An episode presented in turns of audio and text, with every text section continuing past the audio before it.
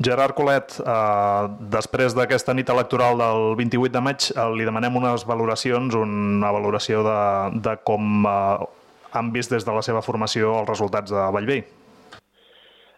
Bé, doncs ha sigut uns resultats inesperats i, um, i força dolents, la veritat és, és que no ens esperàvem tindre tanta diferència amb els guanyadors, però bueno, um, el que hem de fer ara i pertoca és eh, buscar unes conclusions, buscar eh, quines coses podem millorar, sobretot amb, amb donar informació a la gent i, i que la gent se senti treta pel, pels missatges que nosaltres volem, volem transmetre i, i bé, en principi és un moment de, de treure conclusions de cara endins també.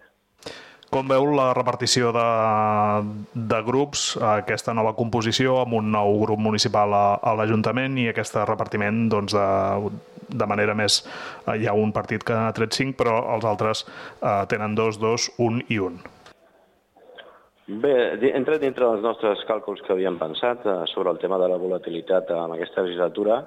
Eh, tot i així no, no esperàvem doncs, eh, l'entrada de tants grups nous, diguem, i sí el manteniment dels que ja existien. Però bé, eh, sí, no, no ens ha sorprès en gran mesura eh, el, aquest, aquest repartiment.